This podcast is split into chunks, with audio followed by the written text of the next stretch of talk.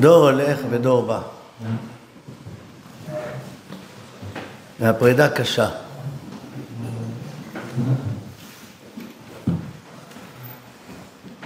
אנחנו אומרים לרב חיים דרוקמן,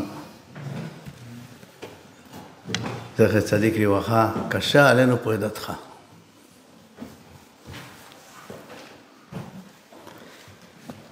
זה לא קל להיפרד מדמות שהייתה שזורה בחיים הציבוריים של עם ישראל כל כך הרבה שנים. למעלה מחמישים שנה.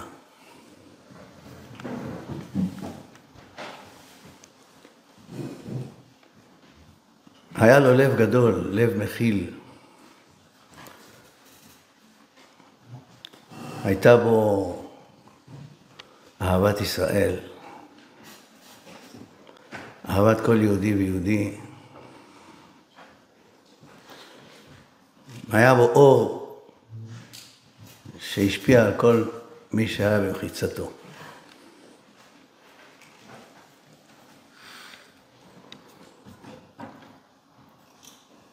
קראנו השבוע בזכריה, בהפטרה של פרשת השבוע, ראיתי מנורת זהב כולה וגולה על ראשה ושניים זיתים עליה, אחד מימין הגולה ואחד על שמאלה. והנביא משתומם ואומר, מה אלה, אדוני? והמלאך משיב לו, לא בחיל ולא בכוח, כי אם ברוחי אמר השם. הרוח שהייתה ברב חיים דרוקמן הייתה רוח גדולה, אש קודש, אור מאיר, שיקדה בליבו כל כך הרבה שנים. מאז שראש הישיבה, זכר צדיק לברכה, הרב ציודה הכהן קוק, שלח אותו לשליחות ציבורית, לאומית.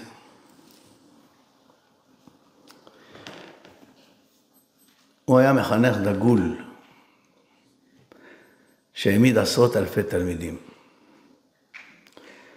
המיוחד שבו, שהיה מסור בלב ונפש לכל תלמיד, וזה בא לידי ביטוי בכך שהוא נסע לכל מקום בארץ, ביום ובלילה, ולא חס על זמנו לערוך חופות לתלמידיו. פעם אחת אני, היה לי חשוב, עניין חשוב לדבר איתו. דיברתי עם העוזר שלו, אומר לי, הרב מחכה לך, תבוא היום בערב, שתיים בלילה. אמרתי לו, שתיים בלילה? הוא אומר לי, כן, זה הזמן שיכול. טוב, נסעתי, שתיים בלילה אני מגיע, אני רואה עשרות עשרות תלמידים קמים משיעור שנתן להם, זה היה בדיוק רגע שהסתיים השיעור. מאחת עד שתיים, כאילו אמצע היום. עשרות תלמידים נכנסים, יוצאים, כאילו, מה, שתיים בלילה. ואז אני נכנס, הוא מקבל אותי באור פנים. לחזור הביתה, זה להגיע בשעה ארבע. זה עולם אחר מהעולם שאנחנו מכירים. בזכותו הישיבה הגבוהה שלנו קיימת. ואיך בזכותו? שנה ראשונה אחרי שארבע שנים שנות ישיבה תיכונית, ביקשנו להקים עוד שנה, אבל לא היה לנו אישור, והם צריכים להתגייס.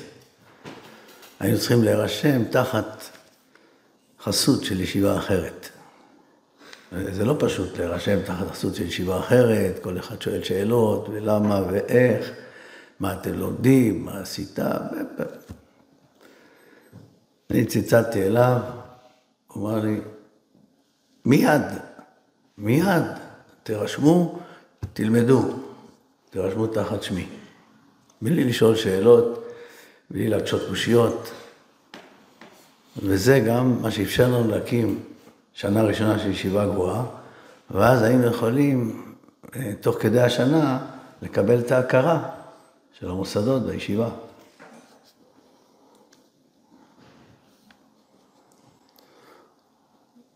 אז זו הייתה המעורבות שלו בהקמת הישיבה שלנו. אבל לא רק זה. תמיד כשהייתה בעיה שהוא היה צריך להיות מעורב בה, פוליטית, וגם בהיכרות שלו עם כל גורמי הצבא וכל גורמי המנהיגות במדינה, והיה לו קשרים ענפים מאוד. הרבה ממנהיגי ישראל עברו תחת ידו, הוא היה לו פנימייה צבאית. והוא תמיד נענה בחפץ לב. אבל לא היה חד, ראייה חדה ולב רחב. כלומר, מצד אחד, תמיד מוכן לשמוע, מצד שני הייתה לו ראייה חדה שאמר מתי זה יועיל, מתי זה לא יועיל. ולא לחינם, הכל היו מתייעצים בו. הוא היה מתון, אבל בעל ראייה חדה, גם ראייה לטווח ארוך. היה אש קודש. אנחנו רואים מעל המנורה שהייתה זהב טהור, היו שניים זיתים עליה.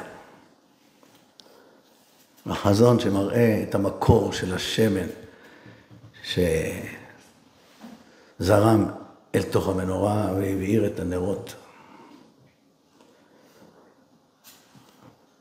אם הרב חיים דרוקמן הוא המנורה, אז החסידות והענווה היו שני הזיתים שמהם ינק השמן. הגמרא אומרת, ה' חסיד, ה' ענב, תלמידו של אברהם אבינו. למה הגמרא בוחרת בחסידות וענווה? כי במידותיו של רבי פנחס בן יאיר, במסכת עבודה זרה, הפסגה של המידות היא או חסידות או ענווה, מחלוקת. אז מי שיש לו גם חסידות וגם ענווה, זה הפסגה של כל המידות.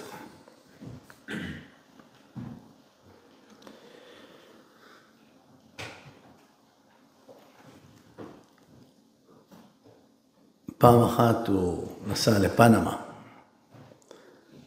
ואז אה, הוא שאל אותי, התייעץ איתי כל מה שקורה שם, כן, אני הייתי שם, וביקש שאני אדבר עם כמה מהתורמים שלנו, שיקבלו אותו, שיקבלו את פניו, כלומר, הוא כאילו בא למקום שלא מכיר אף אחד, וההוויה הישראלית רחוקה משם. אז באמת אה, הסברתי לו את כל מה שהולך שם, גם את הדעות וגם את ה... את הפלגים שיש שם, מי בעד מי, מי נגד מי, איפה הרב נמצא, מה הוא חושב וכולי. אבל גם אמרתי לו שהוא עלול לשמוע דברים שלא ינעמו לאוזניו על ארץ ישראל וכולי, כי הם לא, לא גדלו על, ה, על, ה, על העולם שבו אנחנו גדלנו, כולנו. עולמה של גאולת ישראל, של ארץ ישראל, של חשיבות האדמה, שאנחנו מתקנים את חטא המרגלים, וכולי וכולי. כל שיבת ציון, כל, ה, כל המושג של התחדשות העם היהודי, הריבונות בארץ ישראל, הממלכתיות של ארץ ישראל, היכולת שלנו להתקיים כמדינה ולא כקהילה, כל, כל הדברים שאנחנו גדלנו עליהם, שאצלנו ואצלו, אצל הרב, היו כ, כאבן יסוד. אמרתי לו, שמה זה לא כך. ובאמת כשהוא חזר, הוא אמר אני מזועזע מכמה דברים שאני שמעתי, אבל כלומר, הוא בא קצת מוכן לשמוע, כך שהיה יכול לשרוד. כי באמת הוא היה כעין המצפן המוסרי שלנו בחיים הציבוריים. עכשיו אני רוצה להגיד משהו, שהוא לא רק משמעותי לרב חיים דרוקמן, אלא אולי לכולנו. אני חשבתי הרבה, כבר כמה שנים, על נרות חנוכה, שהם הולכים ומתמעטים לפי דעת בית שמאי. מה, מה עומד מאחורי זה? מה פירוש שאתה מדליק שמונה נרות ואתה פוחת והולך? מה פה פוחת והולך? אז הגמרא נתן לנו קצה חוט, שהוא פרי החג מתמעטים והולכים.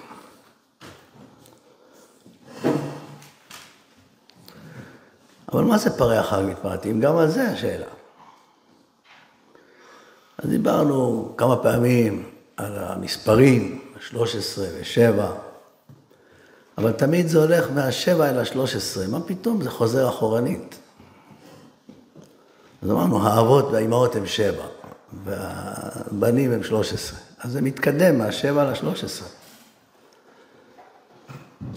ופה זה הולך אחורנית, מה-13 ל-7 אל האחד. כשהיה, כשהיה מסיבת חנוכה דיברתי על, על המספרים האלה, שבפרי החג, ולא פרי החג, אלא במה שמביאים הנשיאים, קורבנות הנשיאים, קורבנו קרת כסף אחת שלושים ומאה משקלה, מזרק אחד כסף שבעים שקל, אז שלושים ומאה, מאה שלושים ושבעים, ואחר כך כל כף עשרה שקל הקודש, כף אחת עשרה זהב ולהקטורת.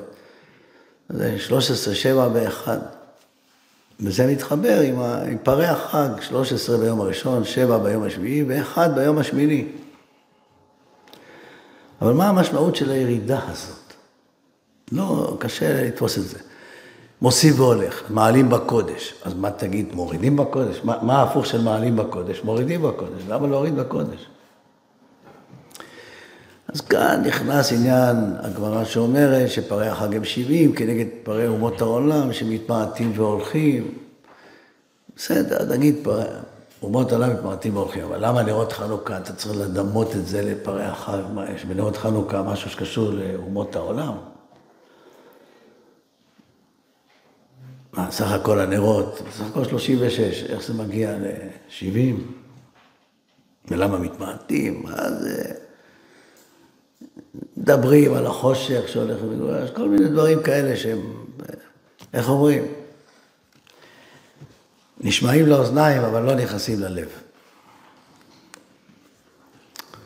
אז השבוע עלה בדעתי רעיון מאוד משמעותי.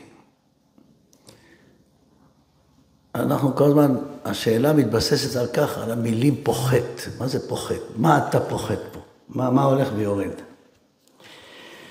ואני הגעתי לרעיון שאומר, אין פה לא מוסיף ולא פוחת. זה רק במציאות אתה רואה שמוסיף ופוחת, אתה רואה 1, 2, 3 זה מוסיף, 3, 8, 7, 6 זה פוחת.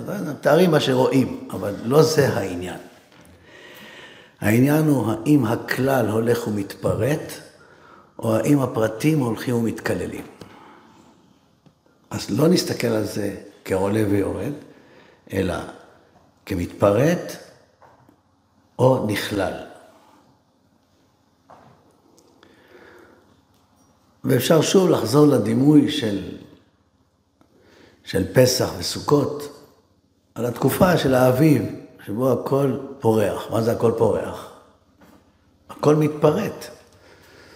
הזרע הולך ומתפרט לענפים, לפרחים, לצבעים, הכל, הכל הולך ומתפרט לנקודות נקודות. ואילו בחורף, השלכת, הכל חוזר ונגנז באדמה. כלומר, בעצם הפרטים הולכים ונכללים.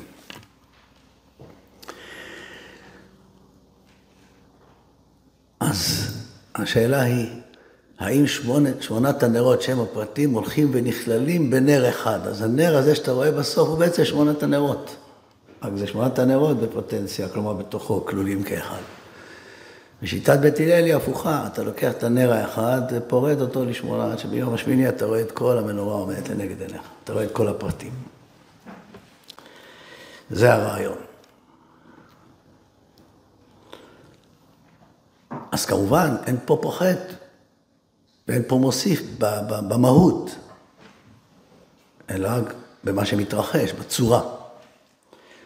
מול העיניים רואים מוסיף ופוחת, לכן מגדירים את זה כך, כדי שיותר קל להבין את זה. ואף על פי כן, אומרת הגמרא, שבית שמאי רואים מעלין, בית הלל רואים מעלין בקודש. מה פירוש, איך נחבר את מעלין בקודש עם הכלל שהולך ומתפרט.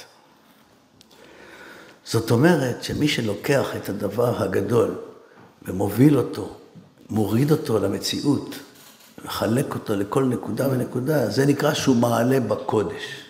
אפילו שהוא לוקח את האחד ומפרט אותו. למה הוא מעלה בקודש? כי הוא מוביל אותו לכל מקום. אז זה החידוש. נחזור לרב חיים דרוקמן, מן החידוש הזה. הוא הכניס לתוך החיים הציבוריים את התורה. כל הזמן הוא דיבר על התורה. כשהוא היה כאן בסיום השעה של, שעשינו ישיבה תיכונית, הוא היה נפעם עד קצה גבול היכולת. הוא אומר, מי חלם שבישיבה תיכונית יסיימו ש"ס? מאוד מאוד אהב, מאוד מאוד התפעל, לכן הוא גם בא כאן, בא, כל פעם שהזמנו אותו הגיע, גם החנוכה של הישיבה הגבוהה כאן הגיע.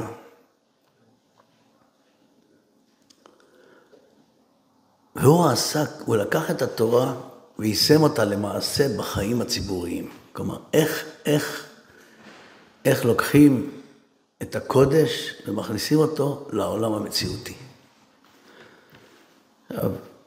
יקום מישהו ויגיד, אבל ברגע שאני נכנס לתוך העולם המעשי, אז אני מאבד חלק מזוהר התורה. כי אני מתחיל להיות איש מעשה. מצד שני, זה מה שאני אומר עכשיו, זה נקרא מעלין בקודש. כלומר, אתה לוקח את הכלל הזה, את התורה, שהיא עולם ומלואו, ומכניס אותה לחיים, ובעצם מקדש את המציאות. הופך את המציאות למציאות שהיא פועלת על פי התורה. וכאן צריך רמת מוסר מאוד גבוהה, ולא סתם הרב ציודה קוק, זכר צדיק לברכה, בחר בו להיות הנציג בכנסת, לתוך המפד"ל. כמה, בכמה כמה מושבים של הכנסת הוא השתתף, היה חבר כנסת. הוא הוביל את הקו התורני המעשי. אבל כל מה שהיה מוביל אותו זה עולם התורה. אז אני אומר, זה נקרא מוסיף והולך, אבל פי שבתחושה האישית זה נקרא כאילו הוא פוחד והולך, כאילו התורה הולכת ומתמעטת בגלל שהוא מיישם אותה במציאות, אז אי אפשר לשבת כל היום בבית המדרש וללמוד. אבל זה נקרא מעלין בקודש, כי הוא מעלה את המציאות לקודש.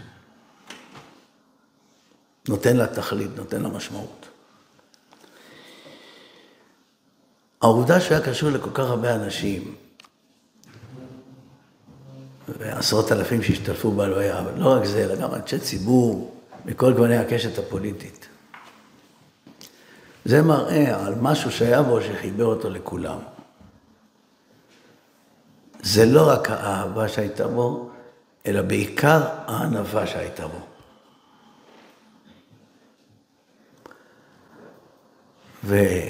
והענווה הזאת היא בעצם מאפשרת את החיבורים. הגאווה מבודדת את האדם, שמה אותו בראש למעלה וכולם מתרחקים ממנו. הענווה מחברת אותו גם לציבורים שאולי חושבים אחרת ממנו, אבל מכבדים אותו. וגם לוקחים ממנו משהו שיאיר את חייהם. לכן אני אומר, אש תמיד תוקד על המזבח, לא תכבה. והנה היא כבתה אתמול. היא לא כבתה, היא כבתה במקור האש, אבל כבר האש שבליבו התחלקה בין כולנו. כבר בליבי שלי ובליבם של תלמידיו ותלמידיי ותלמידי תלמידיו, בכל מקום היא קיימת. אז היא לא עבדה ולא כבתה, רק היא שינתה צורה. וזה המושג של מעלין בקודש. כלומר, ברגע שאדם מעמיד תלמידים הרבה ומפיץ את התורה בכל מקום, וגם מחבר אותה למציאות, ואתם יודעים שהמציאות הפוליטית היא מציאות אכזרית. יש בה המון כוחות שהם בעצם יכולים לפרק כל דבר. המון יצרים עזים. ולהכניס שם את הקודש זו משימה כמעט בלתי אפשרית. והוא ביצע אותה. גם, גם בזכות ענוותנותו וגם בזכות הלב הרחב שהיה בו. היכולת שלו להכיל ניגודים.